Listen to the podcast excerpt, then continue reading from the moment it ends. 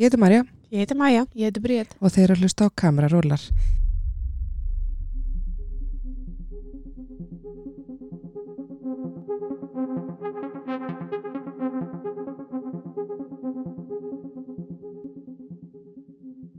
Hjarnverslun er netverslun með úrval og fallegum gjafa, heimilis, barna og lífstilsvörum. Gaman er að skoða úrvalið á heimasíðunni hjarn.is eða á Instagram síðunni þeirra hjarnverslun. Það gleður okkur að tilkynna að hlustundur okkar fá 20% afslátt af öllum vörum með kóðanum kamerarúlar í netverslun hjarnverslun. Í dag erum við í Nóa Sirius stúdíu podcastöðuvernar og hjá okkur er Óskar Þór Axelsson, leikstjóri og handreitsjöfundur. Verði velkomin. Takk hjá það fyrir. Hvernig hefur það? Ljómandi gott. Það er ekki? Endun er eftir smá hjólatúringa. Já, Þurftur að hjóla lágt. Nei, þetta, þetta, er- nei, þetta var svona kortur. Já, næs. Það var bara jafn langt að ég var að keiringa. hvað, hérna, hvað segir þú, Óskar, hver er uppáhalds bíómyndiðin og af hverju? Já, sko, tókan við þessu er alltaf gútfélags. Já, ok. Og það er að vera það í mörg ár, ég bara hef ekkert einhvern veginn verið að pælið að uppfara það að þannig. Nei, Og ég hugsa kannski að ég myndi að enda þeirri niðurstöðu hvort þið er, sko. já, Hún hefur rosa mikið áhrif á mig og er svona líka bara, veist, ég get þort hann aftur og aftur, grípið nýri hana, eh, hvar sem er einmitt. og hann, hún einhvern veginn á svona alveg sérstakana stað sko. en svo er alveg fullt af myndum sem eru hann einhvern veginn alveg rétt við toppin sko. Já. alveg haugur af myndum Mm Já, hún er geggjuð. Hvað er það við þessa mynd sem að færi þið svona til þess að segja alltaf þetta sem uppáhalds? Já, uh, það er sko það er alveg leikliðin og þetta er eitthvað sem að, hérna, ég reyna alltaf að taka myndi fyrirmynd er það að svona reyna að, sko ef það er leikliði í þegar það er að gera verkið veist, hvort sem er svo leikurum eða hérna, öllum krúinu þetta er department svona sérstaklega sko þá kemur það í gegn sko. Og mér finnst einhvern veginn rosa mikil svona leikliði og fjör og sköpunarkraftur í kringum allt í þessari mynd, hvort sem það er sko leikurinn uh, eða hérna alltaf fyrir þann leikstjórnina, auðvitað líka bara í búningum og, og í leikmynd og kvikmyndatakkan, nótkunn og tónlist þú veist, Mhm. þetta er einhvern veginn allt svona ég held að þetta kemur alltaf frá handritinu raun og veru sko, handriti þarf að kveikja þetta hjá fólki og einhver leiti þarf leikstjórn að kveikja þetta hjá fólki líka. Og mér finnst það svo áberandi þessari mynd, þannig eru all, veist Robert De Niro þetta hókina reynslu þegar hann gerir myndina Mm en er samt einhvern veginn alveg í essinu sinu og svo ertum við Ray Liotta sem er að gera veist, þetta er hans breyk og Lauren Bracco, þetta er svona þeirra veist, að allir einhvern veginn stíga upp og gera 110% sko. Já, og svo flottir allir saman. já, einmitt. Og svo, já, svo bara er svo mikið, það er svo margt sem að gert. Já, veist, ekki fyrsta skipti en svo margt sem að, veist, það er endalist fyrir að síta í þessa mynd út af því að hún einhvern veginn gerði hluti sem að kannski var ekki vanur eða gerði það betur eða eitthvað þannig. Og ég held líka að hún var ekki sko eitthvað rosa hittari. Hún var svona eins og myndi sem tók smá tíma að verða stór partur í kúltúrnum. Mm sem það En er þessi mynd þannig að þú veist að þú talar um leikliðina og allt það að fær hún þig til þess að vilja svona hafa verið bara, á ég vildi að ég hefði verið með í þessu. Já, algjörlega. Já, það er svo gaman að horfa á svona myndir þar sem maður bara sogast inn og bara, á ég vildi að ég verið partur af þessu gengi. -hmm. Það er eiginlega besta tilfinningin að vera auðvinsökur út í Já, þess að vera að gera myndina sko. Þetta er svona eins og í hvað hvað heitir myndin þannig að Wolf of Wall Street þegar hann er að skriða út í bílinn og þannig er að Já. treypa, þá er ég bara oh my god hvað ég var til að leika þessa senu, þetta er bara klikkað. Og bara þessi sena það, það sem þeir eru að treypa. Hún svo myndi svolítið svipum með þessa leikleði og þetta fjör sko. einmitt, Tekur sér ekki á hátilega einhvern veginn en er samt að fjallum alveg hluti. já, einmitt. Og ma- maður fær alveg bara svona oh my god, Mm þú veist, svo margar góða senu þess að maður er bara, Algjörlega. mér langar til þess að vera þarna bara þó svo ég sé bara PA Já, þannig, að, já, En nú er þú búin að við skoðum þig aðeins áður nú komst inga eins og maður verður að gera. Já, og við erum búin að sjá, þú ert búin að gera rosa mikið af svona stórum hlutum sem okkur langar til þess að ræða við því í dag. En hvernig byrjaði þetta allt saman? Hvar, hvar byrjaði þú, þú veist, þessi áhugi hjá þér fyrir kvikmyndagerð?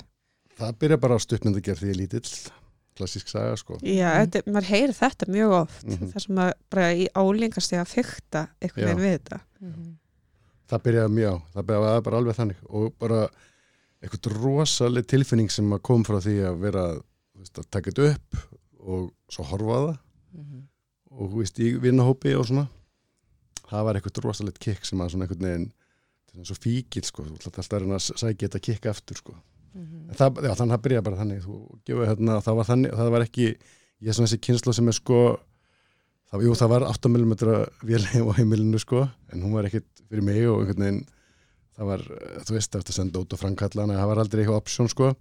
En það voru að koma videokameru sko. En það, var, það voru ekki enga þegar ég er, þetta er sko 80 þetta er svona mjög nýjönda áratöknum sko. Mhm. og þá er hérna þá mann ég að ég fann sko ég er 13 ára og fann ég eitthvað fyrirtæki í, í ármúla eða eitthvað sem að var að leia kamerur og ég fekk einhverja vinni og við slóum bara saman í púk og leiðum mér yfir svona helgi nema við vorum ungir, við máttum ekki leia hana Mm. en ég ætti að fá Ó. bróðminn til að leia hana, ég ætti að vera 16 ára til að leia hana Ok, þetta var, þetta var svo verðmætt að græði já, sko. einmitt. þá var bara öll helgin undir lögð sko, í, í tökur og svo bara við vorum allir bara ok, þau gerum þetta aftur þannig að hérna, þá var bara planað í, og, veist, og sapnaði einn og hálfa veist, Mhm. og, var voruð þið þá sko. tilbúinir bara með handrit og voruð þið þá að leikstýra og leika og skrifa og... Já, sko fyrstu myndina voru ekki beint með handrit sko. Svo kom það svona Mm Smá Já, saman. voru Það þið svolítið bara- svona komnir með myndavélina, eða að gera þetta ok, gerð þú þetta núna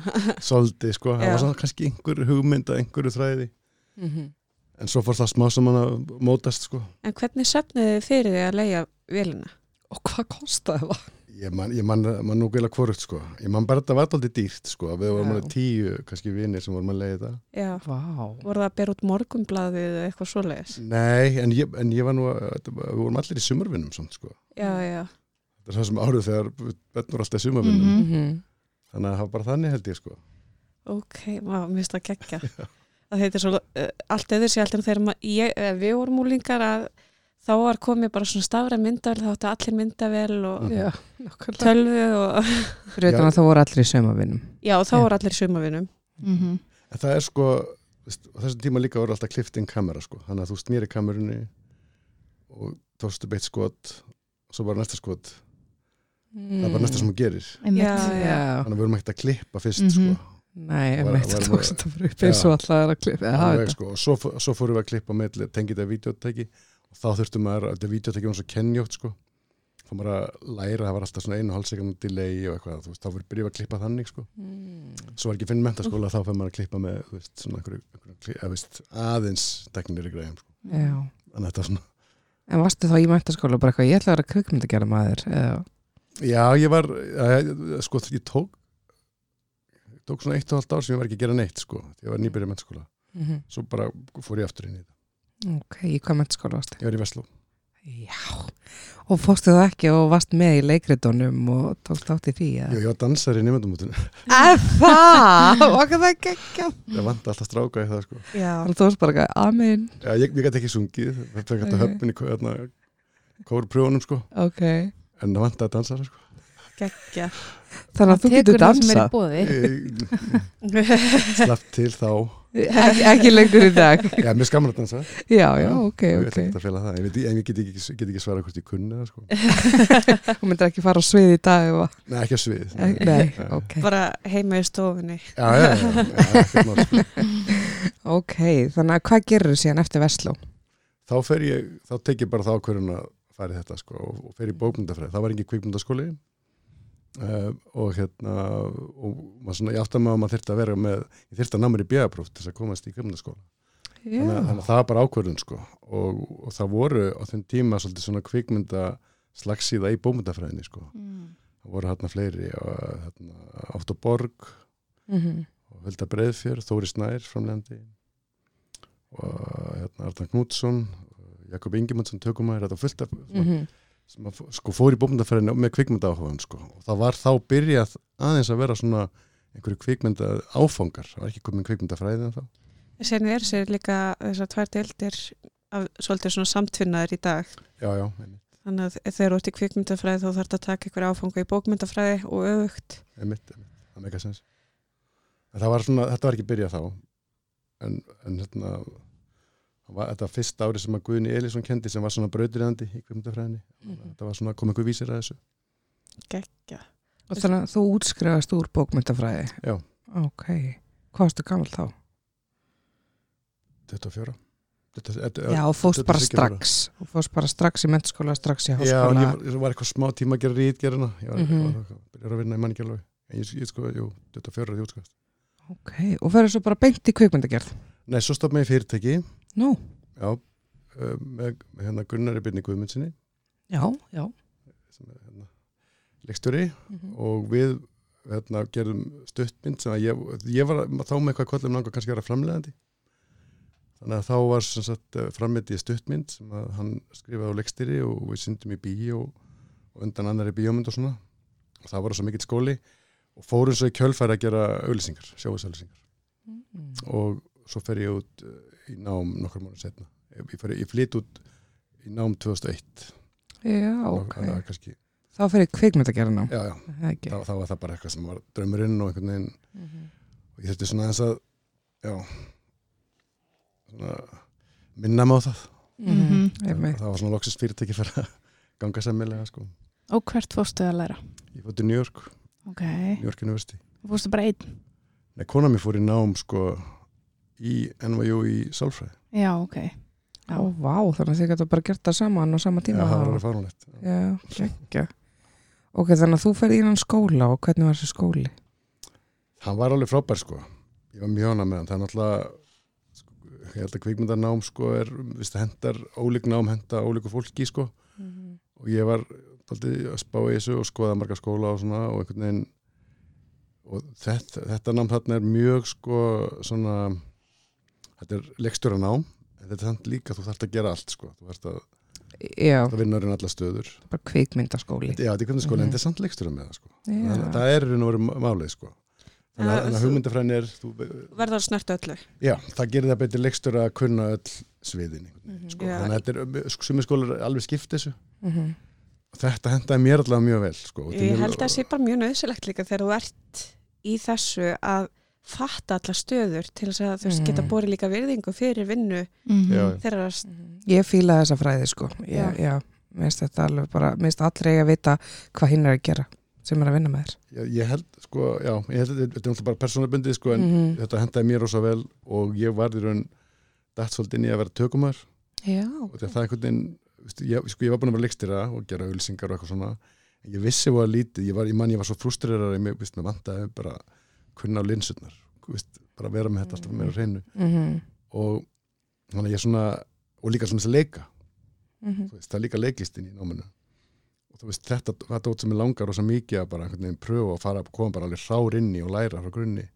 Ekkert þykjast kunna það sko, eins og maður var alltaf hvernig að reyna að þykjast kunna það þegar maður var að leikstýra auðlýsingum Mhm. maður var að reyna, maður að reyna bara að blöffa sig alltaf sko, gegnum þetta. En það var, já, kvikmyndatakarn einhvern veginn, tengdi við það og það lág fyrir mér einhvern veginn og þessi visual hluti, þannig að ég vann svo í nokkur sem tökum maður sko eftir námið við, hérna, ég var í New Yorki alls, alls átt ár sko. Átta ára nám, nei, ég var, ég var áfram í New York eftir það sko. Hvað var námið langt? námið er þrjú ár, en svo gerir útskiptamynd Já, og þú mátt vera ef þú ert útlendingur máttu vera tvö ár ef þú ert mandakið máttu vera þrjú ár og það reyna nörðin allir að nýta hennar tíma til að meðan þú ert að gera það, þá ertu getur með aðgangað öllum græjum skólans. Mm. Hvernig vissir að þú vildi fara í þennan skóla? Var það alveg, varstu lengi að velja, eða varstu bara, vissir það? þetta var, þetta var einn af þessum skólum sem að maður, bara svona einn af þessu þekktustu skólum. Mm þannig að enni hann var einn af nokkur sem ég skoði og heimsótti. Já, og fór í vitul hjá og eitthvað svona. Og þegar byrjunum var hleyp mér ekki innrindar já, var langur byðlisti Nei, sko, hef, það var bara, ég fekk bara, eða þú veist, ég fór í viðtal, svo fekk ég höfmun, fekk já í aðra skóla einhverja sem ég ætlaði að fara í. Svo ringjaði í mig um sömur, en mér langaði mest en var jú, sko. mm Svo ringjaði í mig, bara, hérna, já, um sömari held ég. Og þá er mér búið að koma inn í annað árið.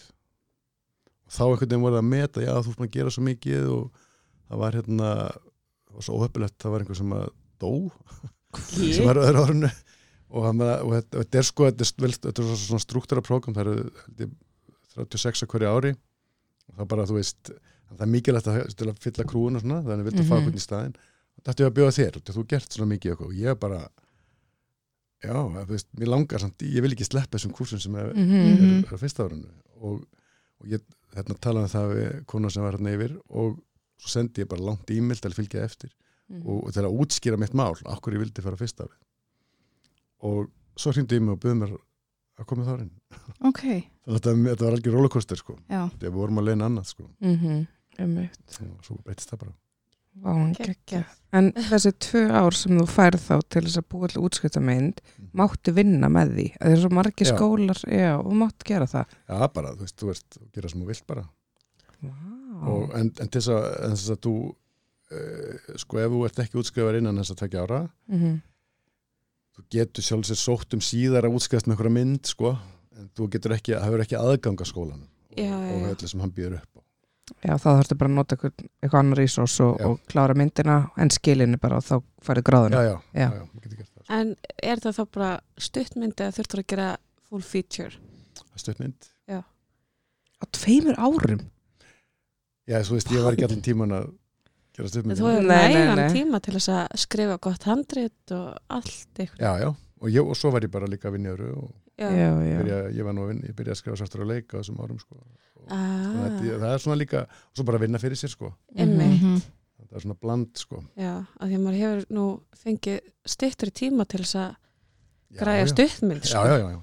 En eh, þetta er um, þú getur útskafað strax líka bara, sem vil gera það Þú segir þú að vera byrjar að skrifa Já. svartur leik á þessum tíma já, já. Va en varstu með aðra hugmynd af stuttmyndinni eða skilur að því að eh, blandaðist þetta eitthvað saman Nei, nei, nei, ég, Nei. ég er, en er eh, ég held ég sé búin í tökum með þessi á stuttmyndinni þegar ég heyri af þessari bók sko já, ok, nei, það, það kom ekki náttúrulega til sko. nei um hvað var stuttmyndin?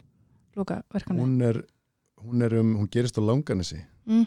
Og hérna og er fjallar um sko Hermann sem var, þið veitir, það var svona ratsjástöðvar Mhm. í öllum hortunlandsins og það var hérna inn upp á, upp á heiðarfjalli Mm. uh, á Langanesi og, það, og ég þekki til það sko þess að fjölskylda sem á uh, hérna, þessa jörð og þetta fjallir hún veru eða sérst það eru fleiri en ein fjölskylda en ég svona, þe- þe- þekki til einna þeirra og það uh, sérst fjallar um Hermann sem var hérna uh, 69 bara sem óbærtu hermaður Mm og hann lendir í því að ferðast stundum fram í tíman til okkar tíma til, Já. til ásins þá 2006 þegar myndin er gerist Mm.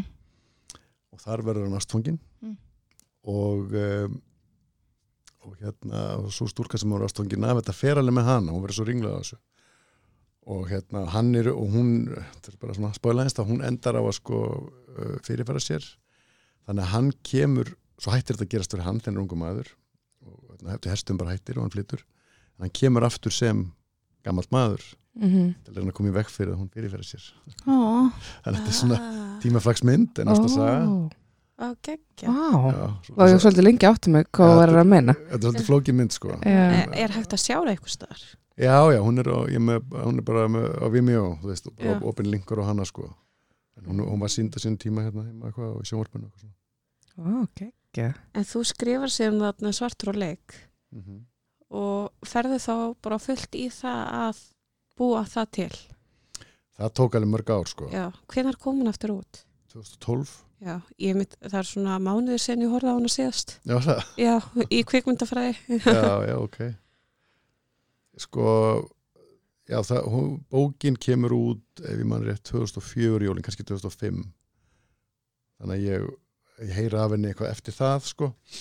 Og þá var þá var einum annað, ég hafði búin að skrifa eitt handrit hérna, fullir lengt sem var bara sagt, á ennsku og var með annað svona sem var að vinna í eitthvað og svo kemur, og þannig að ég var ekkit þú veist, var, þetta er svo skrítin stað þú ert að leita einhverju til að gera þinni fyrstu mynd. Og þú veist í dag er auðveldar að gera mynd í fullir lengt heldur en hann var þarna, þarna var við ennþá að gera filmu og svona, Já.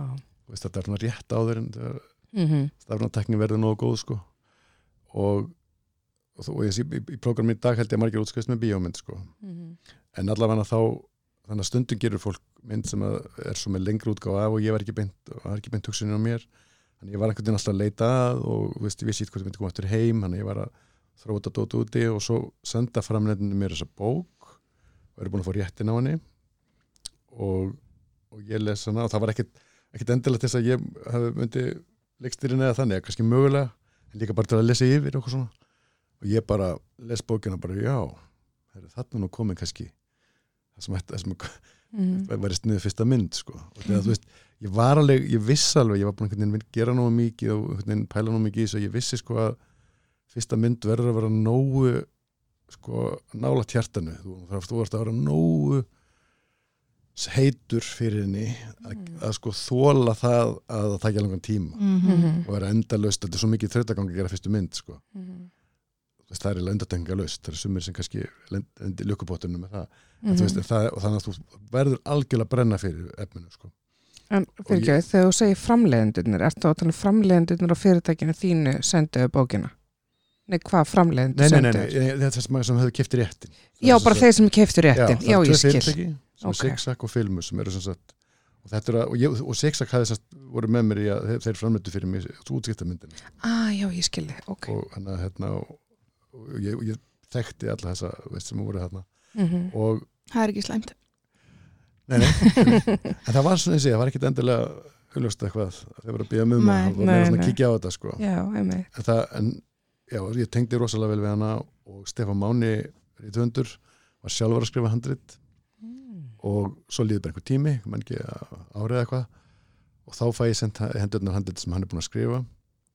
Og hann bara mjög spenntur og mér fannst það ömulegt og ég bara, hann var bara skrifa bara einhverja aðra sögu Æ. með sumu karakterum einhvern veginn Mm en bara eitthvað allt annað. Og ég, og ég var bara hvern að spá, þú veist, og þetta er bara ekkert sérstægt og þannig að ég skrifaði mjög langa greinagirð bara akkur þetta ætti að vera ekki akkur þetta ætti að vera hérna, nær bókinu ekki svona og, og bara dætti þetta í mig sko og, og, og, og sko hann í sjálfu sér var bara kannski búin að fá leið á bókinni Já. og var bara einhvern veginn Mm, bara eitthvað. eitthvað. Já, Já. var á nálættis einhvern veginn og, hann hefur alveg, veist, hann, við höfum talað um þetta oft sko, Mhm. þegar svo kom hann alveg hann las yfir hjá mér og svona sko og var rosa, alltaf bara supportið við það, en mér tók eftir Já. að hann var alltaf hryppmastur á nýjum sönnum ef, ég- kom einhverju nýjum sem ég fór varlega í því, ég skrifa eitthvað sem var ekki í bókinni Já. þá var hann alltaf, þetta er geðveik senna og eitthvað, þá bara, já, herra, hann er bara þreyttur á hinn Já.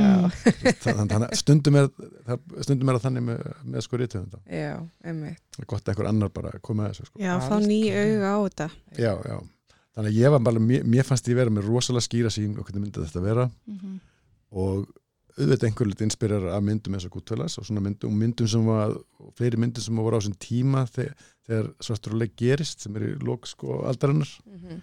veist, Trainspotting hérna, Lola Rent og einhverja fleiri myndir svona, veist, þannig að ég var, við varum rosa skýra sína á þetta.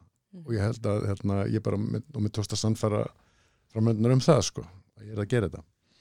Svo, en svo tekur alveg heilmikið tíma að skrifa handitið og ég, veist, ég, bæ, bæði er að vinna í öðru og var að klára, myndina og svona og svo, svo, svo loksins erum við komið með handrit sem er bara, við erum bara mjög ánum, ánum, ánum með og, veist, og, og fáum vilir á kveikmyndasjöði og við ákomum að flytja heim Mhm. og hérna, konum við fekk reyndar stöð í háskólanum líka að spila inn í en, en, en líka það að ég var að fara að gera myndina og ég byrja að velja leikara og svona og, þá, og þetta er sem styrti til hrun sko Mm. Og það tók svona ár fyrir sko hrunið að hitta kvikmyndasjóð Úf, þannig að þið voru eftir, það var eftir. Já, það var sko í rauninu peningar ennþá þess að, veist, og það voru myndir í gangi þannig að það var í raun ári síðar þá allt í nú bara, herðu, við erum ekki með pening Úf, og það var rosa krísa í bransanum sko, Mhm. sem stóð í svona eh, kannski tíu mánu, ef maður rétt og haldnir miklu fundir og, og það var engin peningur okkur hefur aldrei heyrt um þetta. Ég hef ekki búin að kynna mér þetta nóg vel, sko, en, en hérna... Þetta er alveg áhugaður kapli í sko kvikmyndasin Já. íslensku, hann Mm. var rosa og að mynda þess að samstæða með kvikmyndagermanna því að veist, þeir sem, einhverju sem höfður með viljir eins og við bara allir, bara, bara varða engu Mhm. og hérna, svo loksins þegar kemur að því að kvikmyndamestu fær smá pening aftur þá, þá fá, fá lítinn pening kannski til að gera tvær bíómyndir eða eitthvað, maður ekki Mm.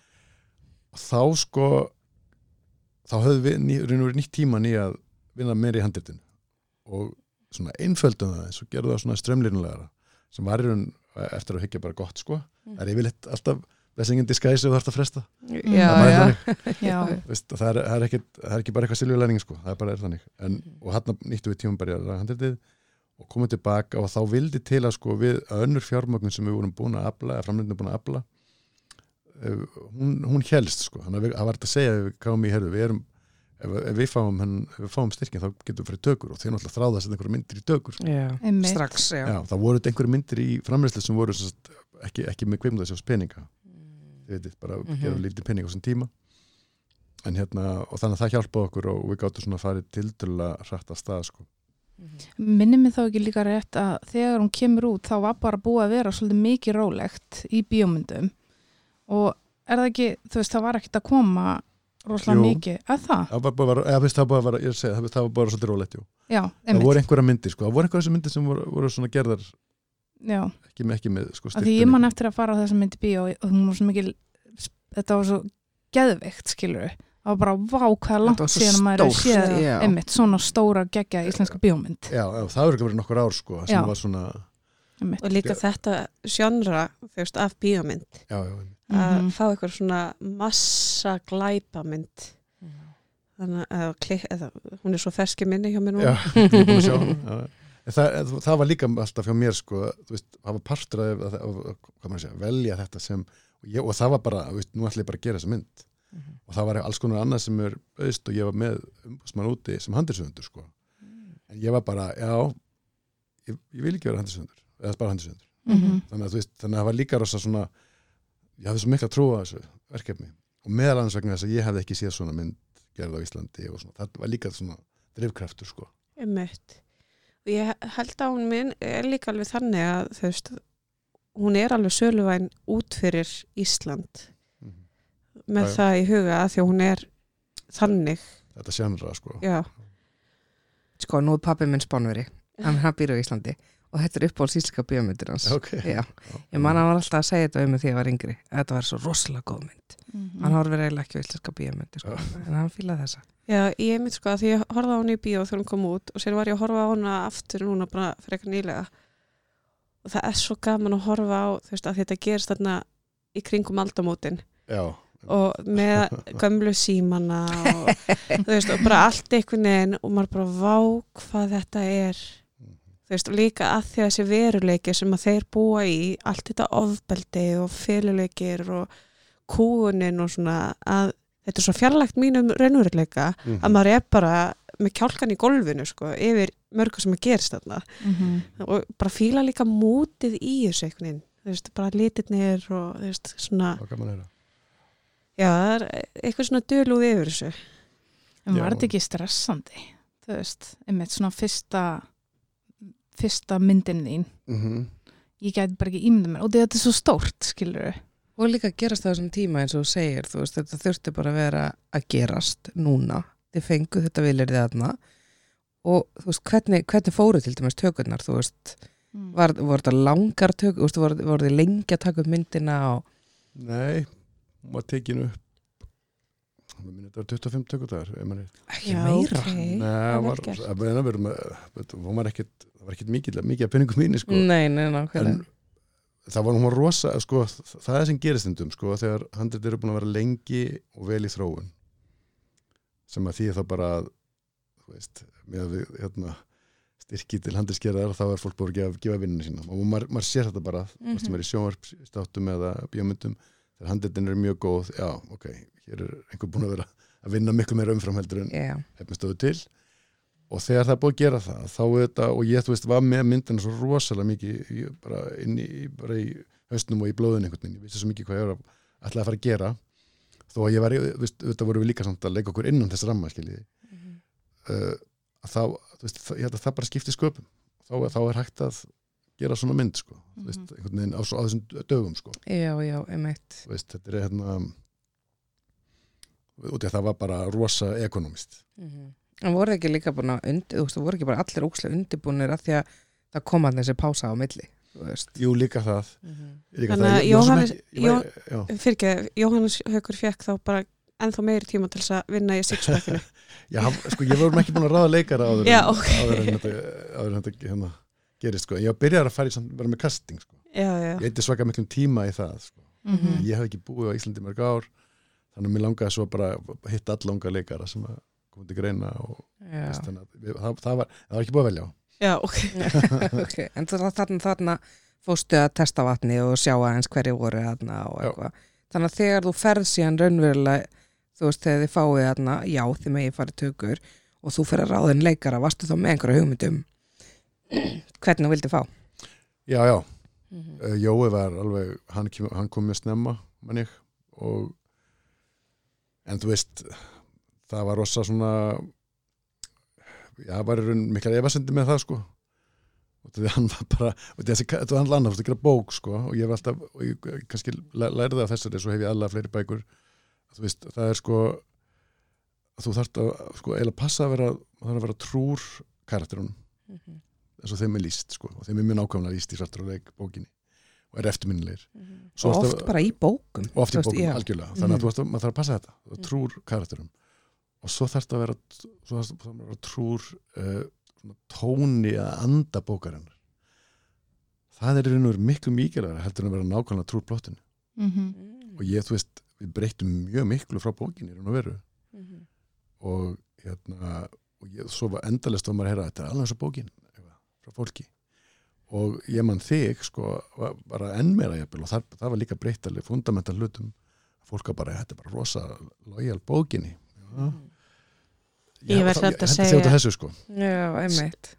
Sko, það er tvent sem ég þarf að segja. Eitt um svartórleik og eitt um ég mann þig. Í svartórleik, Damon Young, alveg bara 120% í bara, hann er svo góður í þessu, vel valið og með ég mann þig að því ég er ísfyrðingur. já, Ég get ekki fara á bakvið slökkvistöðuna núna. Eftir að með já, já, já, þar já, já, í bátnum. Já, já, bara, ó nei. já, Damon sko, hann kom hann var bara nánast á fyrsta degi í pröfum eða eitthvað sko. Mjög snemma. Og hann kom, þetta er svolítið áhugavert út af því að nú, ég var að gera, ég gerir rosa mikið að pröfum, þetta var aðeins, aðeins umtalað sko, út af því að leikara voru ekki svo vanni pröfum á Íslandi Mm. sko. Því það er bara, já, svona og sérstaklega þeir sem voru búin að leika voru bara hvað pröfum, bara, veist alveg hvað ég get og svona, Mm. en það snýst ekki endilega um það sko, það snýst líka um bara fyrir leikstur að það hjálpa manna að taka ákvörðun. Að sjá einhvern fara með eitthvað. Það er ekki, ég veit alveg ert góð leikona góð leikari, það er ekki það sko. þannig að þannig að hérna, að mjög margir leikar að koma og voru svona nett að lesa þetta blöðunum sko, voru ekki alveg nógu þú veist, það spilar inn í, það hefur áhrif á fyrsta impression sko. allan daginn. Og þetta var náttúrulega hluti ekki sem að mjög fyrirfram er bara að það hefur verið erfitt að finna erfitt að finna þetta sem að Jó Haukur fekk og svo sem hann fekk og þetta eru svona ekstrím karakterar. Og það, hérna, hann kom bara algjörlega búin að læra þetta á bókar kom, kom í búning kom bara, kom bara í veist, galla sem bara svipað að líst í bókinni og var geðveikur sko. og hann var náttúrulega bara ó- óþekktur leikari þannig að það var bara ok veist, og svo, svo var svo skrítið og þetta er áður en allt gerist með þarna, þetta eftir hruns tímabil og Mhm. svona, þannig að þetta er svo snemma sem hann kemur, þannig að þið er að endurskrifa það heyri alltaf bara röddina hans í haustinu þið er að, skrifa dialóg sko. ég, hana, ég var einhvern veginn inn í mér örugglega búin að ákveða hann bara mjög snemma sko. Jóa eða það gert nei, ég er að tala um Mm, Damon Damon. Mhm. já, ok, ok, ok hann var svo góður en, en, en, svo, en svo, þú veist, og, en, og við prófum fullt af fleiri leikurum þú veist, og það var svona pressa á mér að prófa þekktar leikar og ég skildi alveg þá pressu sko. já, já. svo var bara þessi það, það, það verður þessi yeah. minn alveg og með Jóa var það meira bara þegar Jói var einhvern veginn þú veist, hann var náttúrulega var alltaf feitur og var einhvern veginn bara leit engan veginn út eins og þessi karakter í bókinni sko. en sko leikari Já, já, já. Og þú veist, það var eitthvað í augunum á honum og ég tala um þetta við hann, heldur þú myndir, hérna, ertu til í svona eitthvað og hann bara, já, allalið sem hann gerði líka. Já, hann veist ég bara trúð honum Já, en ég er búin að heyra svona þegar við erum að tala um svartur og leik Mm. að þetta er að vera þreyleikur. Er það satt? Já, já, það er alveg satt er, það er sem ég er að vinna núna Ok, geggja. Ó, það er bara, hérna, já, við vorum með í fyrra vorum með, hún fór aftur í bíó í fyrra út af ammælinu, þess að tíu ára ammæli Já, já. Og hérna, þá styrjun að vera tilkynnt við um það sko. þetta var, það alltaf að vera að spyrja mig hérna, verður ekki framhald og ég, ég var alltaf, að ég, ég mér veist ekki meika neitt sens og bara, ha, mikið að kartun lífi ekki af. Já, Svona. hvernig verður það og svona, svo kom bara þessi mann og já, hvað með bara líti ekkert á það sem sko, lítur undir heimann sem aðalkarakter, ekki sem Já, en það er líka bara hvernig myndin endar bara með karakter Þorvaldstafís hann kemur heim eftir að hafa verið bara í útlöndum og svona þú veist, hún endar bara þannig að þú veist, ætlar hann að þú veist tekur að hann við stöðu karakter Steimons eða þá bara bakkar hann út, maður veit ekkert. Meni. Þú veist, maður er svona farin að búa til alveg það þrjá svona, já, ég er alveg bara hvað er að gerast, ég verð að sjá meira. Sko, ég, svo sagt, koncept er þetta að, að í þrýleiknum þá erum með, þá erum við með bara prequel og það er mynd sem gerist uh, byrjar hérna á sjöndarartökum og, og, spannar allan áttundarartögin þannig að hún hérna, er svona kannski 13-14 ára tímabil og hún fjallar hérna um upphæðið bara þegar fyrstu eiturlöfum kom til Íslands og þetta, þetta varð svona, ég meina, við, sko þegar það tók nokkur ár bara fyrir yfirvöld að setja. Já. þetta var svo, þetta var svo skrítið ástand sko. þannig að þetta er svolítið svona bara það sem að verður vísara undir sem hefur verið til fyrst á Íslandi og segir frá því svo er það hinmyndin sem er sko í nútímanum þannig að það eru nú alltaf þú veist það er eiginlega 20 ára milli allra Mhm. myndana eða það sem að segja sko þannig að endan spannar þetta þá einhvers konar sögu undir heima Íslands, bara frá upphafi og til okkar dags og einhver leitir að það gleru til að skoða bara íslenskar veruleika skiljið, Já.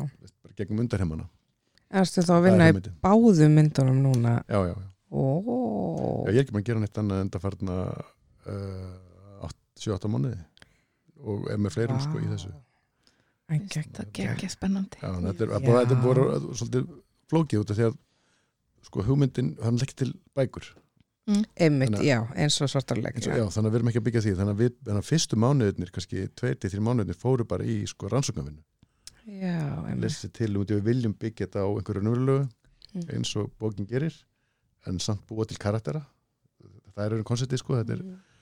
þetta er raunverulega atbyrður en svona skáldaði karakterar mjög smuru kannski byggðir á einhverjum sko en Mm. hver karakter byggður kannski á einhverjum tveim, þreimur Mm og svo er, þú veist, bara hvernig kveipnagerin er og hvernig nótkunna á tónlist og, og svona uppbygging og annað. Það er svona þannig að við erum svona, við erum með ákveðin svona mót fyrir myndina en ekki, við vorum ekki með já. þannig að við fórum bara í mikla rannsóknvinnu á þessum bara gamla daga. Mhm. lesa öll þessi mál sem voru þá og svona og svo bara smá sem hann að búa til karaktera. Hérna og veist, þetta er mjög svona kreatíft og skemmtileg, skemmtileg en mjög, mjög erfið sko. Þetta er ekki, veist, þetta maður þarf tíma í þetta Mhm. það geta vanda sig sko -hmm. Hvenær eru þá áætlega þú veist þetta sé tilbúið til þess að fara að huga að tökum? við ætlum að vera með, við erum sérst búum, við vorum búin að vinna mjög lengi núna í trítmentum, Já, einmitt. koma þeim á svona einhvern góðan stað og núna erum við að fara að skrifa út handrit, það er bara er að byrja núna næstu dögum í raun og og hugmyndin er að kannski þú skrifa maður út uh, kannski svona fyrsta draft og endur skrifa það kannski tvist að þessar eða eitthvað að hugmyndin er að kannski uh, lók februar eitthvað þannig að þá verður þetta tilbúið til að sína fólki og fara í fjármögun það er auðvitað búið að leggja einhverja línur með það nú þegar sko en, en það er samt, þú veist, það verður að hafa handritin og það verður orðin góð til að fara, fara í það sko Já, já. þá er það alltaf ár eða eitthvað þú veist, Ah. lámarki Já, já, einmitt. Vá, hvað ég er spennt fyrir þessu þannig að þú veist, þetta er alltaf svolítið tími sko Já. En þarna ertu alltaf að tala um að þið séu að gera báða myndirnar í einu. það er bara, það er bara planið auðvitað getur það breyst Í, algjörlega. en, en, en plan er að gera þær bara og sk- og skjóta þær bara í einu það er auðvitað samlegar áhrif í því hvernig það koma út er ekki mm. Veist, það, ég, við höfum átt einhver samtölu um það Já. veist, koma út sem helgi eða koma út með hálfs millibili eða hvað Já, ég skil, já. veist, það er um, Mm. setjum tíma kannski ákvörun sko þú veist, en að gera þær um leið einhvern veginn hefur alltaf verið planið og þó, þó að það séu þetta ólíkar og verið með ólíkum karakterum og allt sko En er þetta þá ekki eins og doppul fram, framleiðsla eða er það að- framleiða þetta sem eitt verkefni? Eða, já, já, já. Í- sko í, í tökunum í framleyslunni, já, Já. Þá, þetta er bara eins og fyrir sjónvaserju og já, ég þú veist, ég, hérna, í stælu blómkvist er það þrjár bíómyndir í raun og veru. Mhm. já, Þegar- nákvæmlega. þegar hver saga er sko tveir þættir sem endur að vera 90 mínútur Mhm, þannig að það er ólíka sögur þó að sé, hún sé alltaf á svona helstu karakterar þannig að veist, þetta er ekkit sko út af sjónvas hérna að segja, sjónvas framleyslinni og þessari hefð sem er kannski búin að koma með, með þeirri framleyslu að þá þóri maður í þetta svona sko. Já, maður er ekki þetta í hug fyrir nokkrum árum sko. En einmitt, talandi um það, þú þekki það, þú varst hérna leikstýra Stalli Blomqvist, mm það passar það ekki. Jú, ég, leik- jú, jú. Báðum sér í honum. Já, og Þóra Heilmars gerði tvo þætti í setni seríunni Ok. Já. Ertu svolítið svona glæpa hefur? Ég, ég meina, sko, það, þetta er náttúrulega allt öruvísi sjanræðindar, sko, Já, Mm, Já, já. en þetta er, þetta er, og hann er maður að leika sem er film noir, sko, hefðina, mjög frábært. Og bara sem einhver svona filmböf var það rosa skemmtilegt að hérna, vísa í hérna, þá hefð en vera samt með hvern karakter sko, sem einhvern veginn er sko, hún er engaspæðurinn en líka FM Fatal einhver leiti líka Já. sko. Mm. en þetta er samt er, er líka, en þú veist þetta er svona það var rosa skemmtilegt og, og, og það var ekki það var ekki til dæmis lojal að lögun þar sko Nei, nei. í raun og veru vorum við bara að nota hennar karakter og element úr einni bókinni í bara fyrstu tveim þáttunum og svo bara Mm. byggum við nýja sögu sko Já, ok. Að það var, já, það var, það svona ákvörðin sem var tekinn þar sko. Sögurnar þær eru svolítið fastar í sinni tíma sem að gerast. Já, já. og við vildum ekkert gera einhverja periód. Við vildum Mhm. frekar bara þetta í nútímanum. Ef við höfum með sanns í framtíðinni sko. Já, já, já. fyrsta sýrjan gerist 2019 sko. Já, en... og kemur út uh, 2017 og svona aðeins í framtíðinni Ah, já, aðeins, aðeins Við erum svolítið tímaflakkinu líka. Já, Já, þannig að vera hatt og svo vera að leika sem með stórar svona geopolítiskar hugmyndir. Mhm. þú veist, það er búið að breyta Íslandi Já, er já, að já. upp dólar hérna og það er Mhm. Kína hverfi og svo Kína kau- kaupa alltaf stónleita land, alls konar svona Mhm. stórar hugmyndir sem við erum að leika þar, þannig að það er svolítið svona Já. en mér finnst það- sko, sko stílisenningin sumtar minnir á svarturleika auðvitað Mhm. og auðvitað er þetta eitthvað svona, einhvers konar svona Glæpir. glæpa dæmi á Já, en við erum, við erum að fylgjast með engarspæðan við erum með, með Já, það sem er já, þetta já. lögfræðingur Mhm. en sko það er ekki við erum ekki í glæpa heiminum sko. Nei, nei. Undir, undir heimunum beint sko. hún, hún, hún, hún, hún dýfir aðeins tánað okkar, hún er samt meira að vinna einhverjum, í einhverjum svona svona hérna eikjöfinga glæpa mönnum sko. Já, já, Já. emitt. þar sko. En hvort finnst þið skemmtilegra aðlega að bók eða gera svona uh, bara annað, öðru sér verkefni, bara venlegt verkefni? Ég veit ekki hvort það kallar þetta venjulegt verkefni, eða þú veist, en... Bara svona alveg skáldað. Sko, það, ekki, þetta er- hefur þróast þannig að ég hef gert þess að mikið af bókum sko. Já. Mhm. það er bara, ég meina, stella náttúrulega alveg sko. Já. Já. og séð þú hefum búið til sögurnar og ég var með í uh, herbygginu þú að búa til leggja sögurnar svo þú hefði ekki skrifað handritin sko. Já, já. og en það er samt sem að vera aðlaga karakterin og svona sko. þannig að það hefur verið að byggja á einhverju og um, það sem ég hef gert erlendis er líka já, reyndar ekki, að- nei það, það er eitt verkefni sem er alveg skaldað frá upphafi sko. og þannig að ég hef einhvern veginn meira að vera aðlaga sko.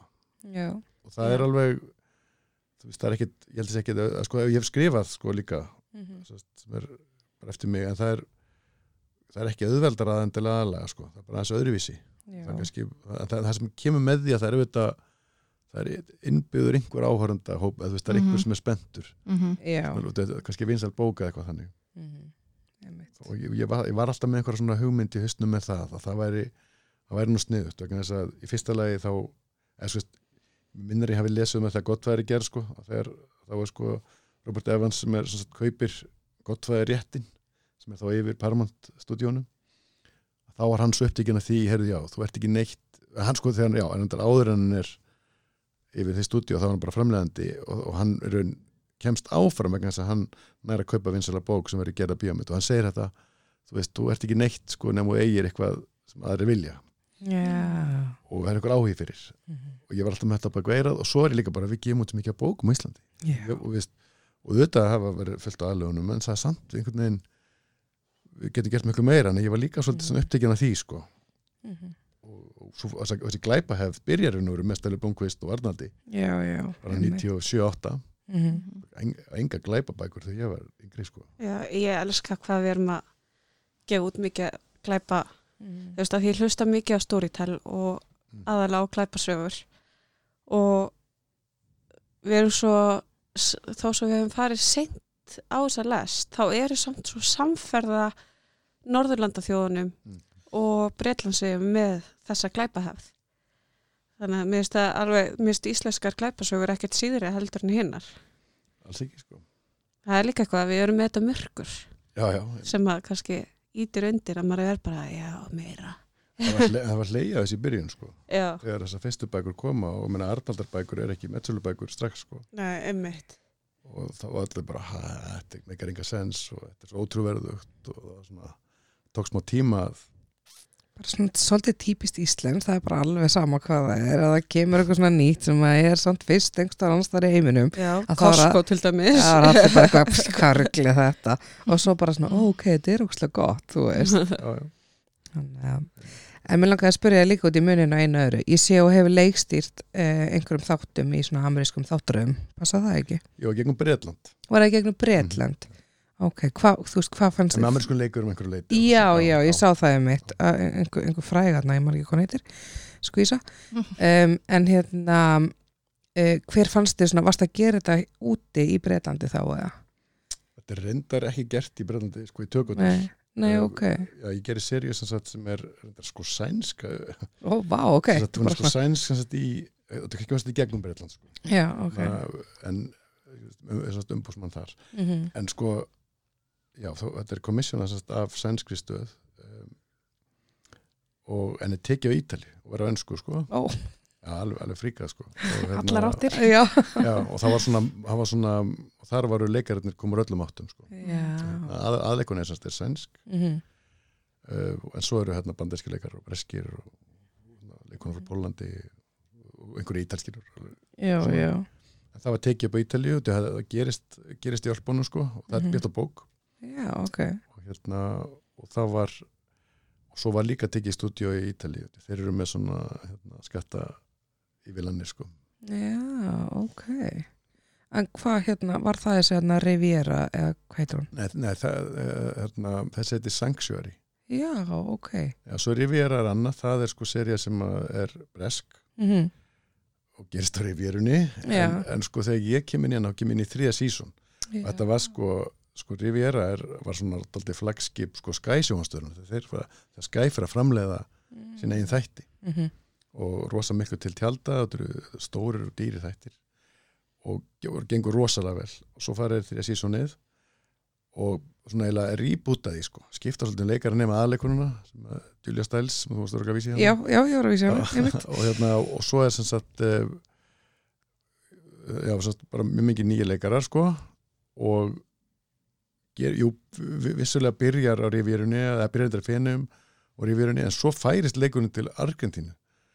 Já. og hérna ég gerir þrjá síðustu þættina í seríunni sem gerast aldrei í Búnus Æris þannig ég, var- ég var þar, Já, ok, vá. Það var rosa ævintýri. Mhm. Hvernig fannst þér að fara í svona og hvernig ertu fengin í svona? Var bara einhver sem að heyri í þér og bara hei, viltu leikstýra hérna einhverjum þáttum? Eða að ég hef aldrei skilið þú veist, þegar það eru svona serjur og það eru margi leikstjóra og stundum einhver Mhm. hérna þrjá og eitthvað Mhm. og ég sé að þú varst líka í ófærð einhverju þrý þættir hér Mhm. og þar veist, hvað er, ak akkur fer maður í svona bara nokkra þætti og nokkra þætti Þetta er náttúrulega, það- sko, það er aldrei mikið álaga ef eitt leikstöri gerir allt. Sko, í míniserjum kannski fjóri þættir eða sex þættir sko, með auðveldara. mm Stundum er það vissulega þegar eru lengri, ég menna það er alveg gert í tíu þáttum líka sami leikstjóri. Þá þarf sko, uh, veist, við erum bara meira undirbúning og meira rými í kringum. það. Þetta er rosa mikil vinna og álag sko. Mhm. Það er líka annað sem að framlendur að tala um, maður, ég hafa ekki pælt í því sko, að þeim, þeim að, þú veist, að upplifa allir sem svolítið svona, það, kemur rosa þreita, bæði í krú og leikar, kemur svona eitthvað, svona, þú, þetta er svo langt tímabil -hmm. og það er svo rosalega í fressin, það kemur leikstur inn bara með rosa orku og jafnvel aðeins, aðeins öðru sér sín, þú veist að vinna auðvitað einhverju boksi sem búið að leggja línuna fyrir, Já. Ég ætlaði að mynda að spyrja út í það. Þú þarft væntalega að vera innan einhvers ramma svo að algjörlega, já, þá þættin raldi sér. Já, já, þú veit þetta áhrendan ekkert að pæli því að sem ég leikstur Nei, nei, einmitt. Hérna, en, en sko fyrir sem er að gera þetta getur það verið svo upplýfting og þetta hef ég ekki alveg pælt í sko. En, en þetta snýtt líka bara um undirbúning og geta verið að fókusera veist, og verið meira í raun gert betri hluti sko. Mhm. uh, hérna, nema að hafa rosa mikið tíma undirbúning sem er yfirleitt ekki. Þannig að þetta er bara það. Og þegar hérna já, sérst, í þessu sem ég gera á Ítalíu og þá var ég átti ég að gera vera svona aðra, aðra blokkina sem maður segir, gera setni fjóra þættina. Svo hérna datt sá leikstur út sem átti að gera það þannig ég, þannig þau sem er til að gera fyrsta blokkina. Og þá ert þú það sem heitir lítirektor og ert að leggja línunar Já. ferðu útluta, bara svona burt sér frá hvaða verkefni þetta er, ferðu útluta bara já, þú ferð að einna þátt 6 og 7 og til þess að leikstýra og bara færið handriti og til þess að rífa það í sundur og Já, það eru, þetta eru bara blokkir. Já, og, og hérna og svo er farið til sko umbóðskristofana og sagt þegar við erum að leita hérna eftir einhverju til að leik, leikstir að blokk 2 eða 3 eða hvað það er. Og þá setja þeir einhvern nöfn sem að þeim fyrst passa við og sína og þú veist og það er bara þannig sko. Já, og þá, þá, þurfa framlöndinir að sko þú veist skoða hvað við komum við gert og eitthvað svona og svo hitt svo það maður að Mm. pizza í þetta. Þetta er bara svona casting í rauninni casting. fyrir leikstjóra. Já, í raun og veru sko. Auðvitað er stundum bara þannig að þú veist þú, fólk veit hvað þú gert eða eitthvað þannig og þá bara já, já þú bara að vera frá æðslega þú getur fengið þennan nýt eða eitthvað svona sko. Já, já, sem er kannski að segja einn á Íslandi þar sem að fólk Já, já. þekkir meira til og svona. Algjörlega og í ófæri, er, að- var þessi hugmyndari að náttúrulega sko Balti var að klára einhverja bíómynd mann ekki alveg hverja þegar hann var þegar ófæri að fara í gang og hann sá bara ég hef aldrei tíma til að gera þetta allt sko Mhm. og þannig að hann, legg, hann leggur línunar og ræður svo hérna, okkur hinn að leggstjórun eigi þetta sko. og þá er, og veru, er hann með ákveði svona ákveðina sín sem hann leggur upp og svo innan þess box getur við gera sem við viljum sko. Mm. þannig að og þetta, þetta eru mjög sko, ég var alltaf svolítið upptíkin af því líka sko, að, hérna, veist, mér var sko, ég, ég vann sem tökum er einhver áhrátt sko. Þau hefði ekki gert sko í bíómyndi, ég vannst í bíómyndum eða sem kameraoperator og svona. Og mér var svo mikilvægt, þú veist, þú, þetta er bara eins og okkur vöðið, þú, þú, þú fer ekki í rektina þú ert ekki að halda honum við. Mhm. og þannig að þú veist, að með, með því að vera leikst, með því að halda sér við og vera leikstir að stöð það líði ekki alltaf kannski fjóra ára milli eða eitthvað, Já. þetta þá ert þú eini sem ert ekki í æfingu, Já, allt krú er í æfingu leikararnir. Svo kemur þú fjórum árum setna Já, veist, það er tóltið þannig ég var, alltaf að reyna að forðast það og, og svo, þannig ég var, þegar þessi svona sjónvas uh, bilding, skulum segja, byrjar sko, það sem að hérna, og ófæri svona, ófæri líka skiptur þessum miklu máli bara fyrir alla seriðna sem kom í kjölfæra á Íslandi Mhm. með fjármökun og annað að þú veist, þá var ég, já, þetta er aðeinslegt þetta getur opnið fyrir mig dyr að fara því því að þá getur maður verið að veit, ég get, veist, hérna heima þú veist, þú myndi ekkert fá styrka ári hverju mynd eða eitthvað, það er ekki ekki sens Nei. Mm. og, hérna, og mér, hef, mér alltaf fyndist bara mjög þægilegt og lærdomsrikt að setja bara á mig leikstjórahattin og koma inn og hér er búið að skapa eitthvað og, og þú varst að vinna í einhverju bóksi og það er svolítið að henda þér í djúbulegina einhverju leikara sem að eru búin að vera í þessu og veist ekki að kynka þetta miklu betur en þú. Mhm. þannig að maður það svolítið svona setja að segja okkur stellingar en það er rosa lærdomsrikt og ég bara hérna, þannig ég veist mér það frábært að blanda þessu með sko. Mhm. Þegar þú kemur inn í svona verkefni til dæmis um, er þá sama fólki samt í öllum hinum stöðunum? Eða getur þú sagt, getur þú óskað eftir einhverjum sem þú vilt hafa á kameru eða eitthvað svona? Það er aðeins misjæft það er, það er yfirleitt fylgir kamerumæður með uh, sem er bara fastur Já, með blokkinni, en eins og þess að hann fylgir yfirleitt með leikstjóra. Já. Þannig að það er annarkvort einhver sem að þú getur komið með eða þá að það er það stungi upp einhverjum fyrir þig sko. Já. að með klippara er, þessar tvær stöður eru svona sem fylgja leikstjóra upp á undibúning og annað og stundum aðstöðuleikstjóri Mhm. um, en hérna en ég, en, já, ég Rivera var mér en útlita tökumanni sko. Mm. auðvitað ef okkur hefði ekki samist þá hefði ég getað Mhm. Já, skipt en já. hann, það sem- ég sá ko- kostin við það er að hann hafði gert aðra blokk í hérna undan sko hann gerir, Ah. sérst fyrstu blokkina Já. svo var annar tökumar á annar blokkina og svo hann kom með mér í þrjá blokkina þannig að hann- þannig að mér fannst það bara frábært og þá bara já, þá veit hann, hann þekkir þetta Mhm. Já. ég get lært af honum Já. og svo, bara, og svo líka bara passa ég að hitta, að hitta nógu oft hinalegsturuna og, og legsturinn sem var á fyrstu blokkinni bara og þú veist, það er svo dýrmætt sko. Bara, hérna, bara, ok, og hvað með þetta og, og bara fá, þú veist þessi leikari, hvernig vill hann sér vinna og hvernig er, þú veist, er, hver er erfiður eða eitthvað, sko. Já, þið eru náttúrulega að vinna að sama verkefninu Já. þannig að þið verða að vera sömu blaðsjö já, það er, já, það er oft einhvern veginn lítið, oft er lítil brúan á milli, sko. Já, já, þetta er fólk fyrir bara eitthvað annað. Og ég var ekkert, ég, ég er um bara svona var, veist, gera mér farum að vera í sambandi við hann leikstur þess að bara, það- finnst það bara hjálpa mér sko.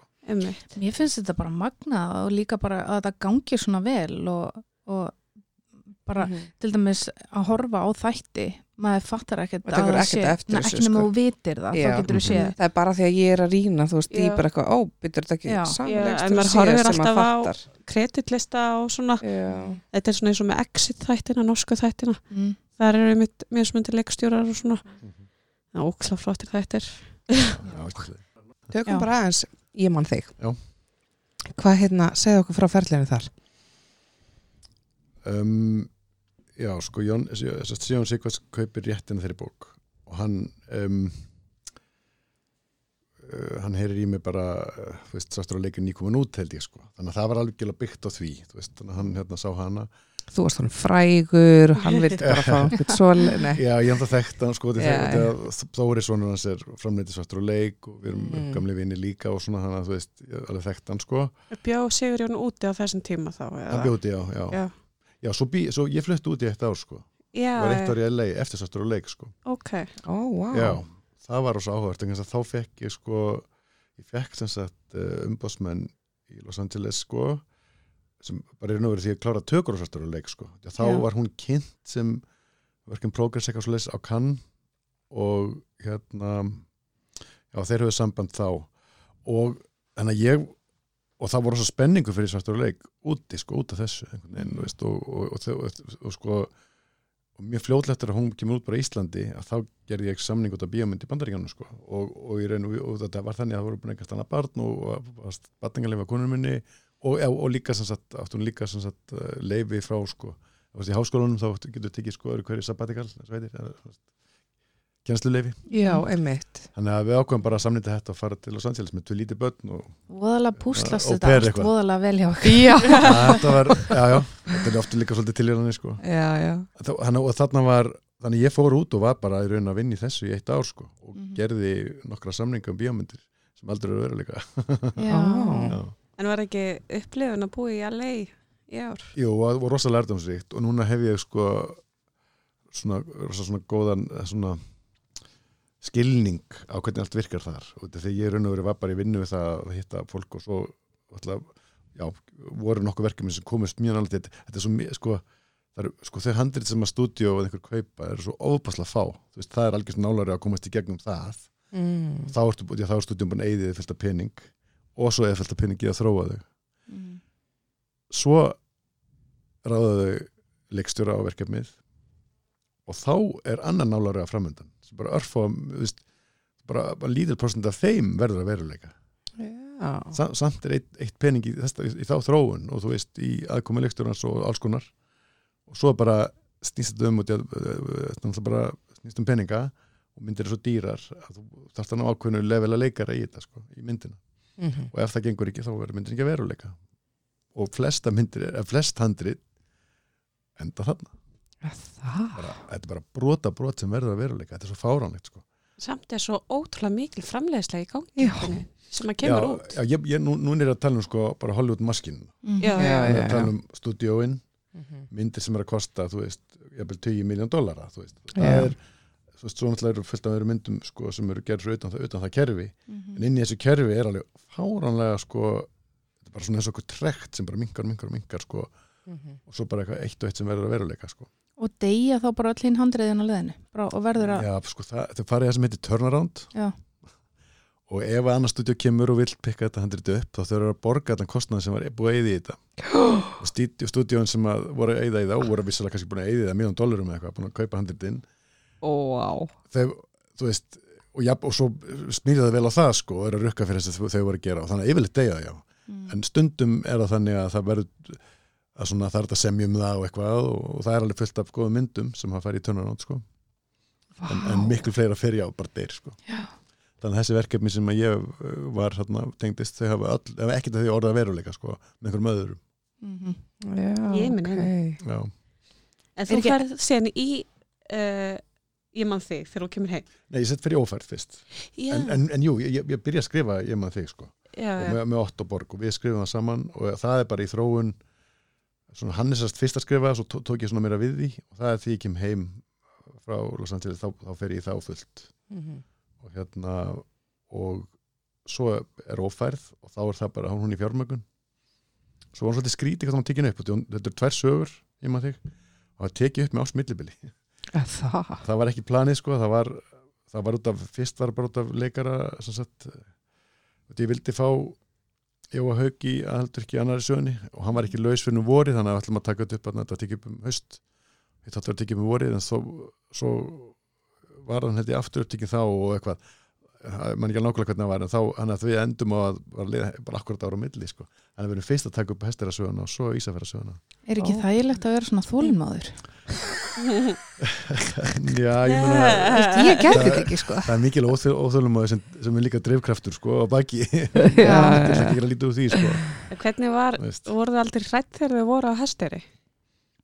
í tökurum, Já, það var alveg spooky sko. Já, ég get alveg trúið því. Ég hef verið þarna á- bara yfir sumartíma Já. um hvað þá þegar það er myrkur líka. Sko þetta er fárunlega starf, þú ert þarna, þú ert þarna í november og það er hérna, það er ekkert símasamband það er bara ekkert að Oh frétta my god.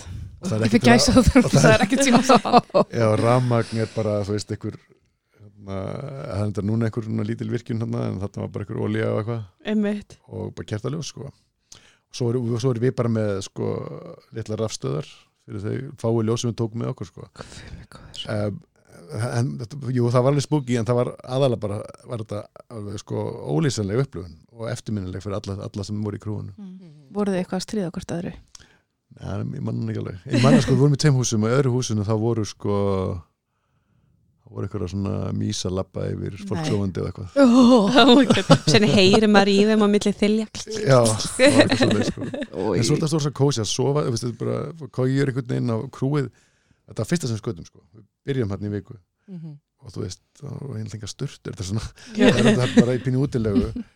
En líkilatriði og þetta er bara veist, hérna, allir er að geta lært af þessu, það voru rosa góðan kokk Já, það er, já, Já. mest möst sko, og þá, þá er fólk til í margt sko og Mhm. þetta Sleppa styrtu í viku og... Já, þú veist að vissalleitir er erfiðar tökur og hérna, hérna, sofi þröngt og, og hérna, Mhm. skrítið allt sko og mynda að sofi í húsum að mynda í og eitthvað en út af maturinn var svo frábælega góður og þá einhvern veginn mynda eftir kringu það svo góð stemning þannig að voru allir bara hvað verður í kaffi á eftir Mhm. Já, ég, að því að við Mari höfum um mitt framleitt svolítið saman að við erum alltaf, það er bara eina nöðsilegustu stöðunum er catering, að Mhm. sé ykkur góður í þeirri stöðu.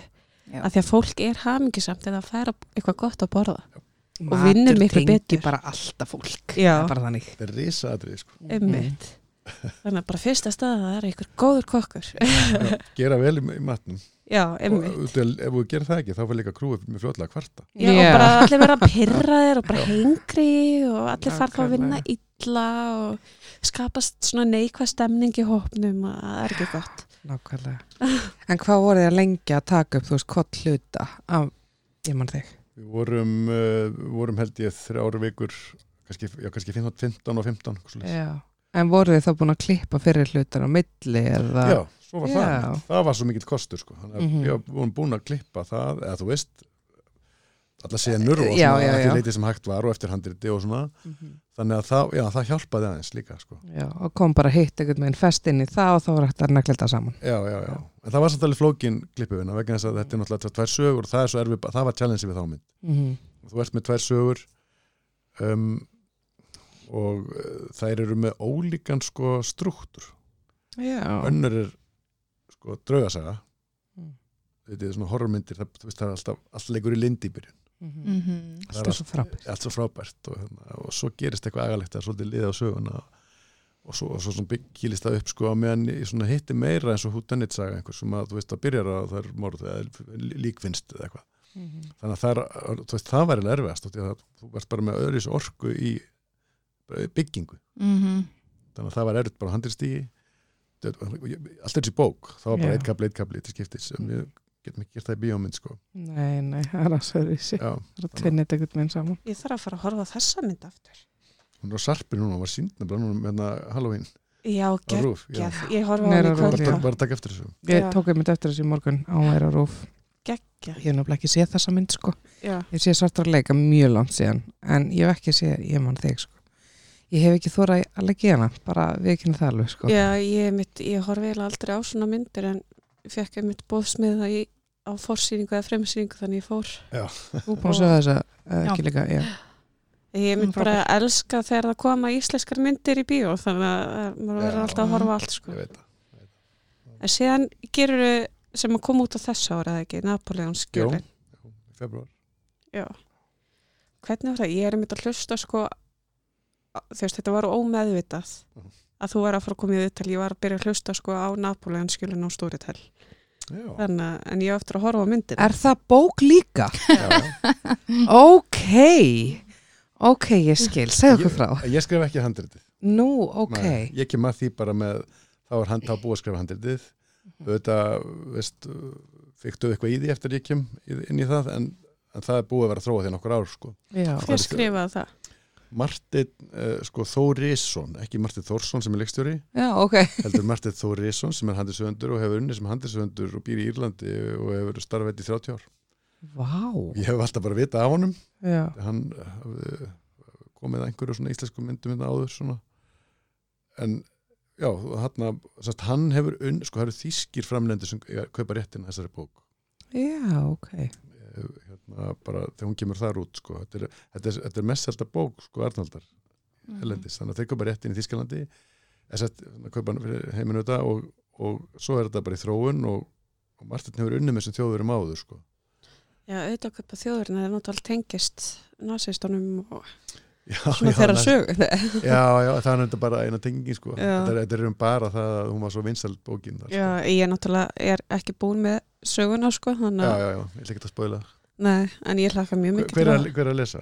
Uh, Arnmundur Ernst Já, ok og það, hann er mjög skemmtilega því hann líka breytir á milli uh, röddin á milli karakteri svo að hersöðingi sem að skaut sér í hausin eða eitthvað röddin skemmist eða, þú veist allan að hann verður fyrir einhverju voðaskotið eitthvað Já. og hann er alveg, já, hérna eitthvað, já, já.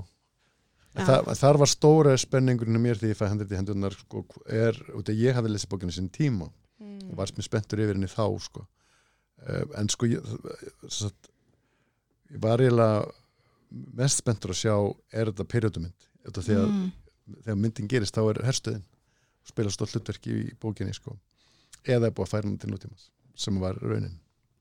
En þið voru svolítið mikið upp á jökli af því að þetta er náttúrulega gerst upp á vatnajökli. Já, hvernig var að vera út í kuldanum á bara stærsta jökli í Evrópu? Þau voru svo vel klætt, þau voru allir 66. já, já það var, sko þetta er, þetta er mjög svipað með hesteri, við vorum erum bara uh, alveg ájörun, já, eitthvað sex tökudagana sko.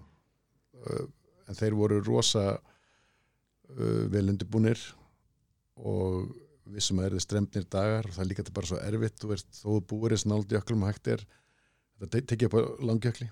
Já, já, reyndar. það er bara því að auðveldar aðgengi og við fundum líka tökustæða sem var svo góður sko þannig að, að vildi nota hann.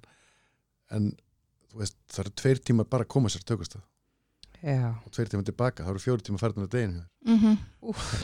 fyrir utan hvað allt færist hægt á jökli. Mhm. og þú veist ekki hvernig við erum með veðri þannig að við vorum að, þetta var rosa veist, við vorum að fara rosa sko, blind í sjóin erum með allt hve- hvernig, hérna, hvernig fer þetta Mhm. og með allan hann búnað líka Já. alltaf í hvert skipti búnaðinn. ekkert skilað þetta eftir á Nei. setti Nei, nei, og einmitt etna, skemmist eh, þetta er ekki mikið leikmynd en, en, en svo skemm, leikmynd sem er veist, skemmist hún veist, yfir nótt bara já. Einmitt. og sér bara einmitt að kuldi og raf vörur eða svona tækni vörur Mhm. með batteríin og einmitt, einmitt það er alveg svakalegt Já, þetta er rosa, þetta er rosa svona, það er svona stóra umgjörð utanum þetta. Þetta er, þetta er, þetta er flókið og, og þung já, ég ekki trúa því. En við vorum, þessi vel undirbúin og voru ég var með annað unit sem var að mynda en leið. Þannig að þú veist, Mm. oft með eitthvað, eitthvað drónatökur og svo, leis Mhm. og hérna og þetta við vissum ekki, þú veist, erum við lendum við bara í óveðri og þurfum bara að nýta þetta litla glögga sem við fáum, Mhm. svo voru frekar heppi með veðurinn og veru það var, já, það var, sko, þetta var bara fáranlega veður alltaf maður var bara að skoða tökustæðina, Mm. komist aldrei og við, Ó. við fórum og það var alltaf hérna ma- maður sá ekkert, sko þannig að við varum bara, hvernig verður þetta og því maður vill að jökullin, sko, fá að njóta sín í myndinni Mhm.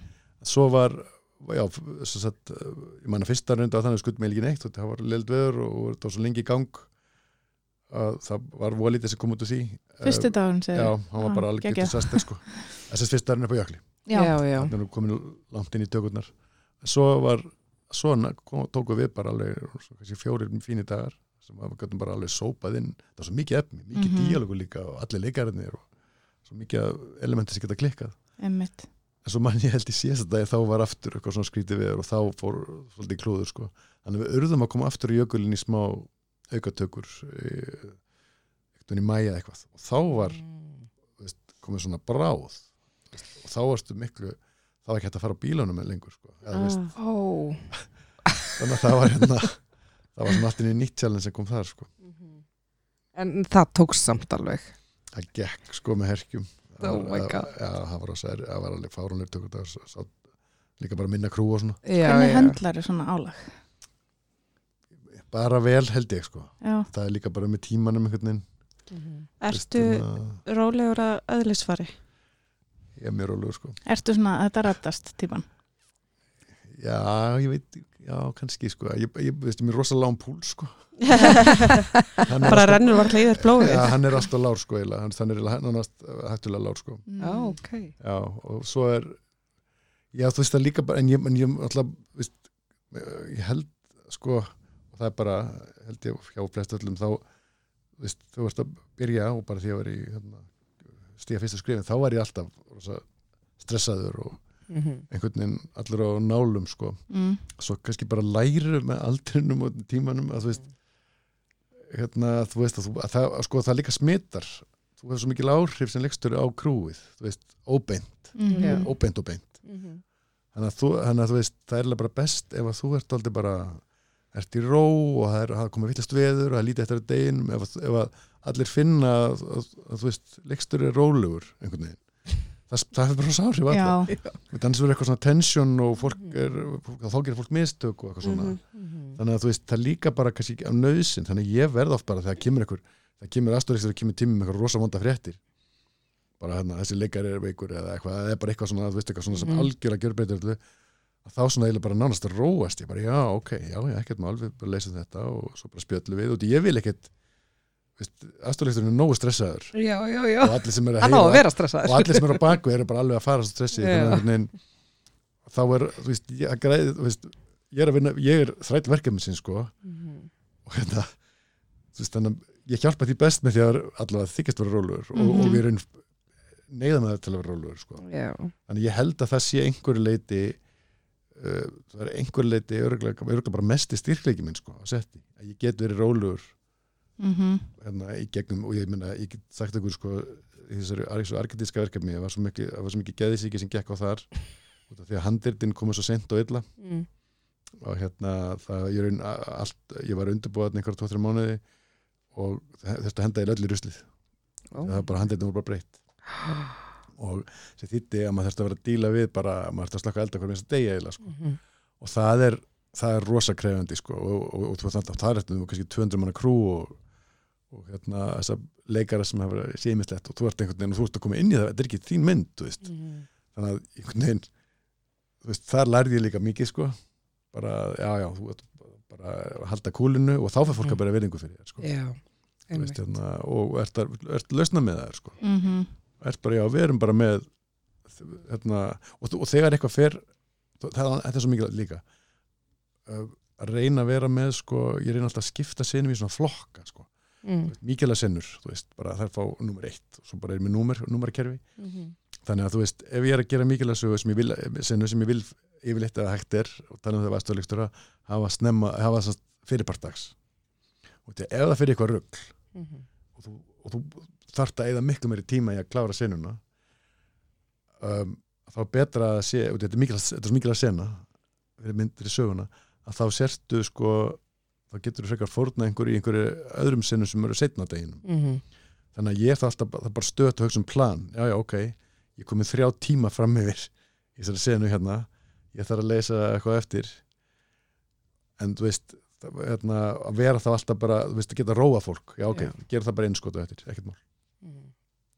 Veistu, Á, ég, ég kött út kram eða eitthvað. Sem allir bara ok, ok Já, já. Það veist, þetta er enda laust, bara hver einasti dagur þú varst alltaf að vera að nafngera þetta. En það voru ósa mikilvægt að schedule sé sko make sense með þetta í huga sko. Já, og það mist ótrúlega óþægilegt. Þú veist að það gera stóra mikilvægt sinu og það eru ætlaðir þrýr tím, tíma, tímar dagsins síðan þá eins gott að heinin séu léttir þannig að þú getur hlaupið gegnum það sko. Já, já, einmitt. Ég myndi segja að þetta væri bara mjög góður eiginleiki. Já, ég myndi veist, þetta, alltaf er- ég, ég er bara svona má ég vinna með þér? Ég er bara, þetta er svo góður eiginleiki. Þetta, þetta er gott fyrir fólk sem er til dæmis eins og ég bara, ég, þú veist, ég kannski verð ekki eitthvað úper stressu en ef einhver annar er súglega stressaður kringum mig þá verð ég ekki svona, þá verð ég herri heldur en hann sko.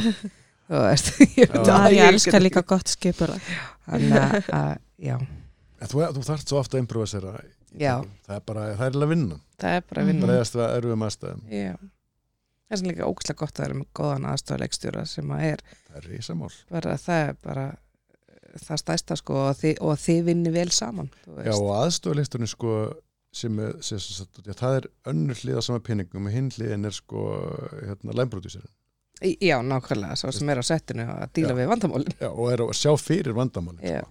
þannig að þú veist, ef þessir aðilar þurfa að vera rosa í mikið í syngi og þarf að, og þarf að vera veist, þetta er alveg gríðarlega mikilvæg stöður Já. og oft Mhm. svolítið svona lítið tala um þessar stöður sko. 100%. ég, ég mitt voru með svona rapparti í vikunni fyrir verkefni sem við vorum í og Mhm. og þá játaði aðstofleikstjórin Já, ég laug frekar ofta að ykkur á meðan þessu, hann er einmitt svona rosalega rólegur og þarna, bara til þess að ró ykkur. Já, En- það er vel gert. En hvernig fannst þér myndin koma út? Þú veist, hvernig fannst þér viðtökur vera, já, Mhm. viðtökurna vera og, Já, já, sko, myndin er sko, einhver leiti er þetta, ég leiti alltaf á þetta pínlítið sem experimental mynd. Ok, sem er sem hljóma fáranlega með hvernig Mm. hvaða genre hún er. En þá er ég að segja út af því að þetta er við erum að segja núna ekki hefðbönda gleipasögu já, sem við erum að gera mikið, við erum að gera eitthvað svona meira action-adventure mynd einhverja. sem, og aftur, veist, þetta er eitthvað svona genre sem við hefum ekki gert sko. Eða lítið af allavega. Já. og, og það var, það var hann að í raun og veru er það, veist, það er drifkrafturinn á baku þess að leik og ég maður þig. Og þessa, þetta er eitthvað svona genre sem ég ekki sé mikið af Íslandi.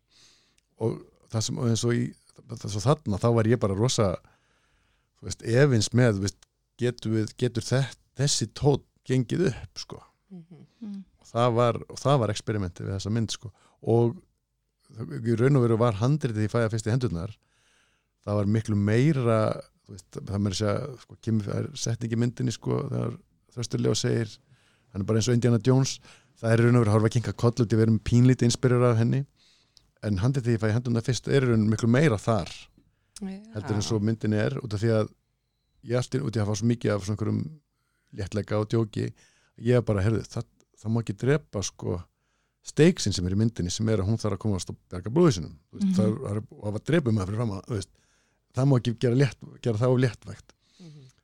þannig að þetta var í raun og veru endalist díalogur milli þess, hvar liggur tónnin sko. ok, og þú veist, ég er raun og veru þarf að horfa hann aftur núna já, með smá fjarlægt til þess að fatta hvernig það hefur tekist til Mm. já, ég skil. Ég var ágætt lánað með hana þegar við vorum klá, kláruðum hana og, og svona fannst við alveg hafa fundið svona einhverja, einhvern balansan á milli sko. En, en þú veist, en það er ég kannski ekki heldur dómbar um það sko. En, eh, en Horfir á hann allt öðruvísi heldur en flestir. Já, ég var algjörlega náttúrulega sósar enn þegar maður er inn í einhvern veginn, maður er alltaf að Mhm. reyna að koma sér einhverja fjarlæð, reyna að horfa hana með fólki og upplega hana þannig, þú veist, sem er Akkurat. mjög mikilvægt. En, en þú veist, það þarf að líða alveg töluveri tími sko, ég horfði á svartur að leik núna bara í fyrra þegar hún var út þarna var haldið upp amalið í bíó og náttúrulega besta aðstæður og svona. Mhm. það var rosa gaman, ég hef ekki séð í mörg ár og bara allt í nú, herri, já, þú veist, hérna að gleyma þessu og já, svona náði hans að gleyma mér mér í seginni sko, Mhm. en það þarf mikla fjarlæð já, aðeins svona smá að tíma á milli. Já, En fannst þér ekki viðtökurna vera góðar? Því að mér fannst bara í marga mánu allir vera að tala um Napolun skilin. já, já, Já. Jú, jú, viðtökunar voru fínar. Ég meina, sko ég, ég langa að fá fleiri bíó ég veit ekki Mhm. það alveg Mhm. ég, hérna, og það er, ég held að sko einhverju leiti uh, kannski tókst okkur ekki nógu vel að svona að fá yngri kynsluna sem er mér í bíókynslun til að fa fara á Já. hana, það er þannig bara mjónga, og uppúr, út af því að hún er, hún er alveg sko leifð 12 ára eldri já, ok. út af því að sko það er mjög mikilvægt, uh, veist, ef þú getur notið þessa hópsöðu þetta, en að fá þann hóp í bíó ég held að mjög margi sem eru sko, sko kannski svona álítið sig vera, eða þú veist markhópurinn fyrir myndina er fólk sem er bara er alveg til að sjá hana heima á sér sko mm.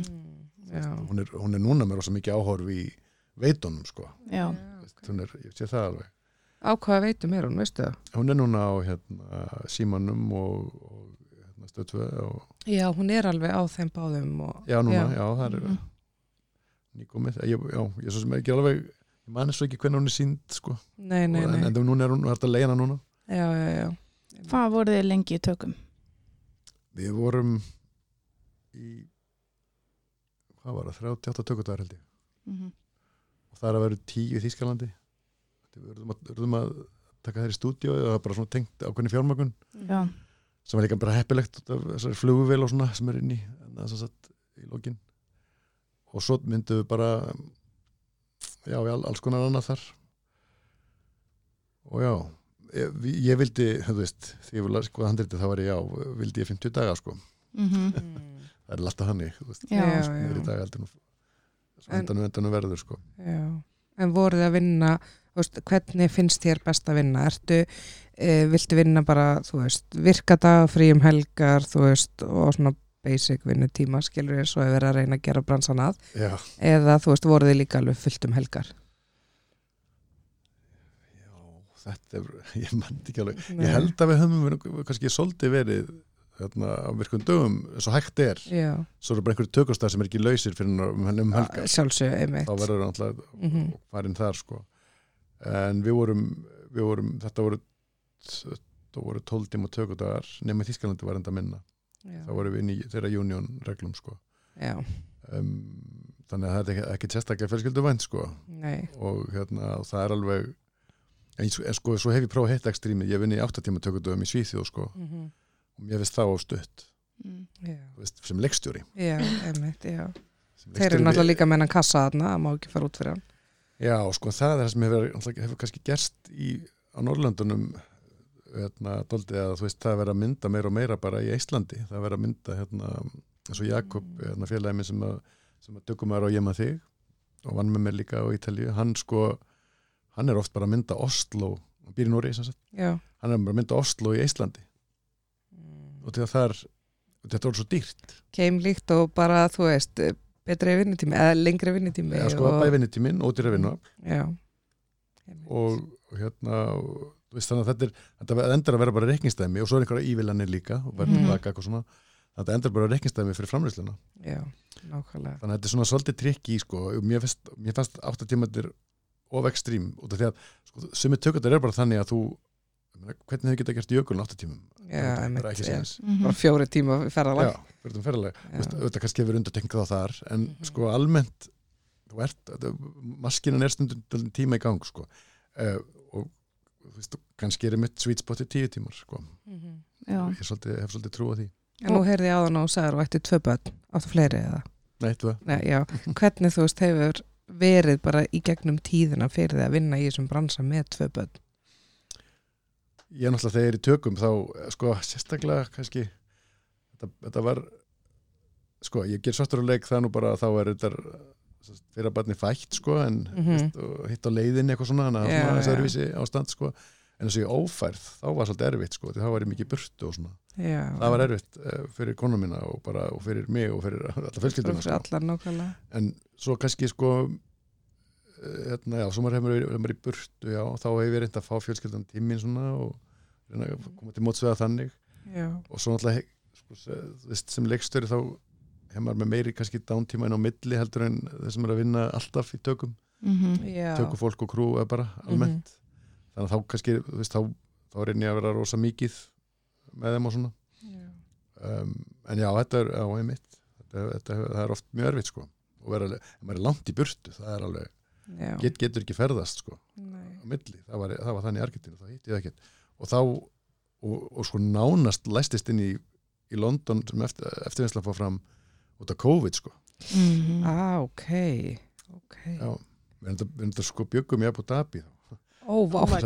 já, fyrir fjölskyldan sko ég þetta að, og svo bara flýið þangað og þá með, bara leiði lendi þar, þetta er bara þarna meðan mars þarna Já.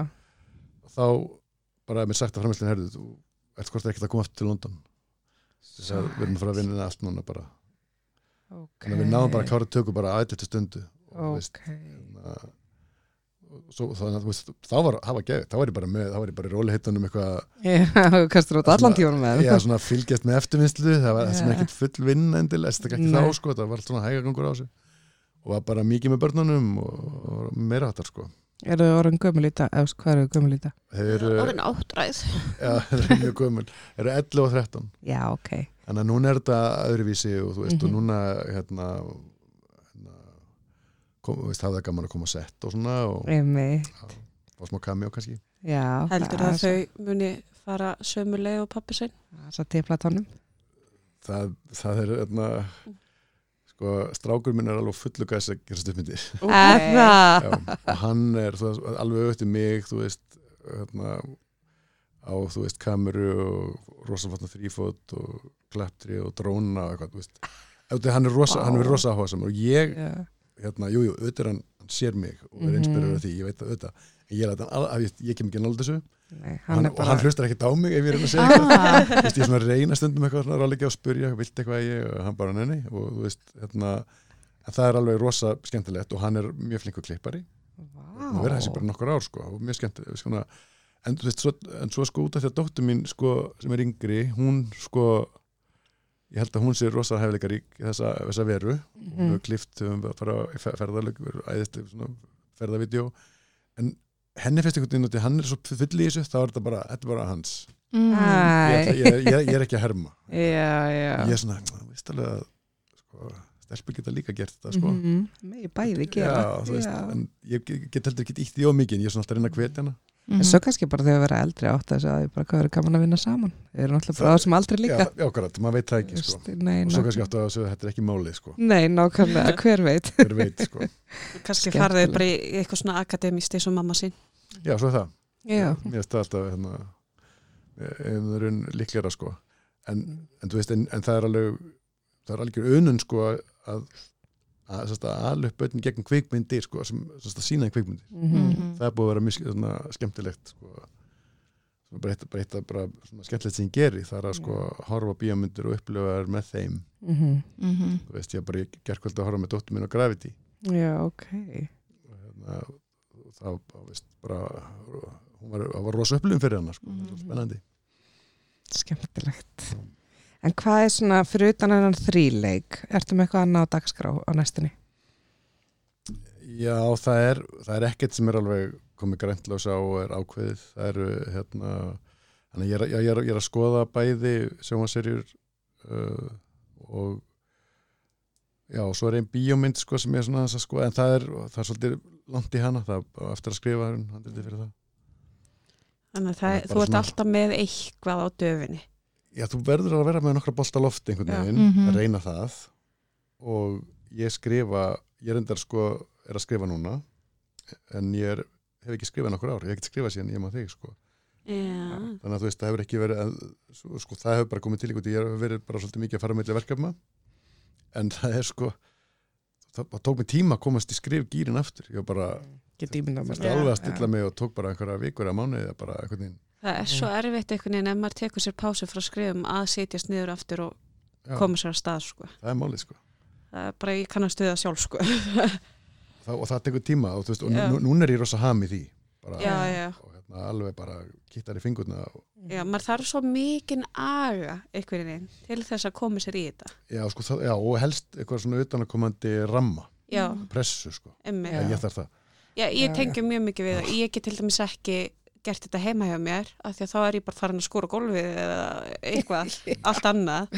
En ef um leið og ég sest inn á kaffihús eða eitthvað annað, þó svo sé áreiti, en þá er ég ekki heima hjá mér. einmitt. Þú veist, af því að ég verða að hafa svona skýran ramma um, hérna er ég heima hjá mér, en þarna þá er ég að vinna. ég er alveg, ég er alveg nákvæmlega eins Já. En mér langar til þess að spyrja það svona að lokum. Mhm. Já, þarna, fyrir það sem er að taka svona sín fyrstu skref í bransanum sem leikstjóri og handrita höfundur, hvað ráð myndur gefa þeim? um, það var ekki bara fullt af ráðum sko uh, já, það er auðvitað bara kannski mér, ég held að sé ég held að sé algjör svona gullin regla að reyna að, að sko vera að velja verkefni sem eru þeir standaði nærri út af því að þú ert að taka því fyrst skrifa þá er það svo mikið ströggl þetta er bara alveg universalt eins og ég var að tala um á þann eiginlega hjá öllum sko Mhm. og þú veist og þú verður lamin niður ofta og fær mikið neyjum og allt þetta veist, og þannig að, þú, þannig að það er eins gott að þú brennir algjörlega fyrir verkefninu og sért tilbúin að, að já, gefa svolítið mikið af vinnunni þú ert að gera þetta verkefni, fyrstu Mhm. verkefni sko. það er kannski svona guldnareglan bara að vera meðvita, um þetta Mhm.